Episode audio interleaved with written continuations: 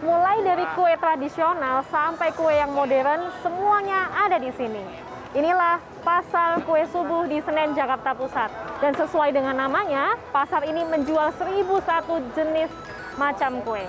Dan ada apa saja ya kuenya? Yuk kita lihat. Mulai dari kue yang berbahan dasar tepung beras sampai yang tepung terigu. Dari Bika Ambon, Nagasari, sampai kue talam. Nama-nama kue dari A sampai Z semuanya bisa ditemukan di pasar ini.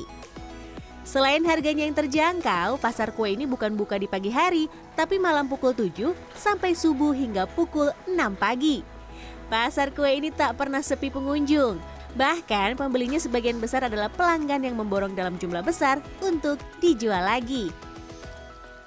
Iya, buat dijual lagi nanti di rumah sakit di Bekasi sih, di kantinnya. Itu kenapa kok miliknya beli-beli kue di sini? Murah sih, murah terus enak juga. Dalam sehari, pedagang kue rata-rata menjajakan 1000 sampai 2000 kue per hari. Jumlah ini sudah jauh menurun di masa pandemi. Hal ini disebabkan tidak adanya pesanan untuk acara seperti hajatan pernikahan atau syukuran yang sebenarnya menjadi segmen pasar terbesar. Untuk pemasukannya ya merosot 50 persen mbak. Apalagi yang PPKM kedua kemarin kan kita bukan dari jam 12 malam ya. Sampai sekarang ini PPKM dibuka baru kita mulai dari sore lagi. Ini pun belum ada 100 persen, ya paling hanya 80 persen lah normalnya. Namun dengan semakin menurunnya level PPKM dan diperbolehkannya aktivitas skala besar masyarakat, ada secerca harapan bagi para pedagang untuk bangkit kembali. Terlebih para pedagang ini sebagian adalah pemain lama yang telah bertahan lebih dari 30 tahun. Jika menilik sejarahnya, para pedagang ini awalnya berdagang di Blok 1 dan 2 Pasar Senen. Kemudian mereka berpindah ke lokasi yang sekarang di Blok 4 karena adanya kebakaran pada 2017 silam.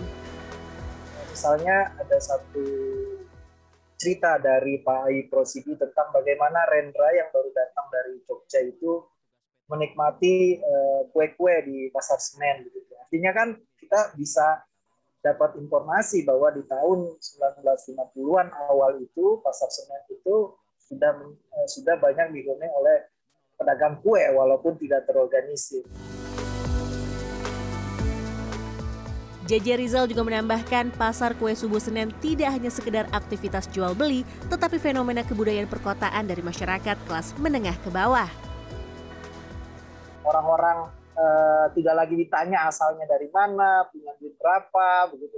Beli untuk eh, dua tiga potong kue maupun tiga eh, empat eh, dus kue atau kardus kue atau bahkan kontainer gitu. Itu tidak ditanya. Itu kan menurut saya sebuah ruang yang langka yang justru menurut saya pemerintah harus lebih aware gitu ya terhadap peristiwa kebudayaan seperti pasar kue subuh.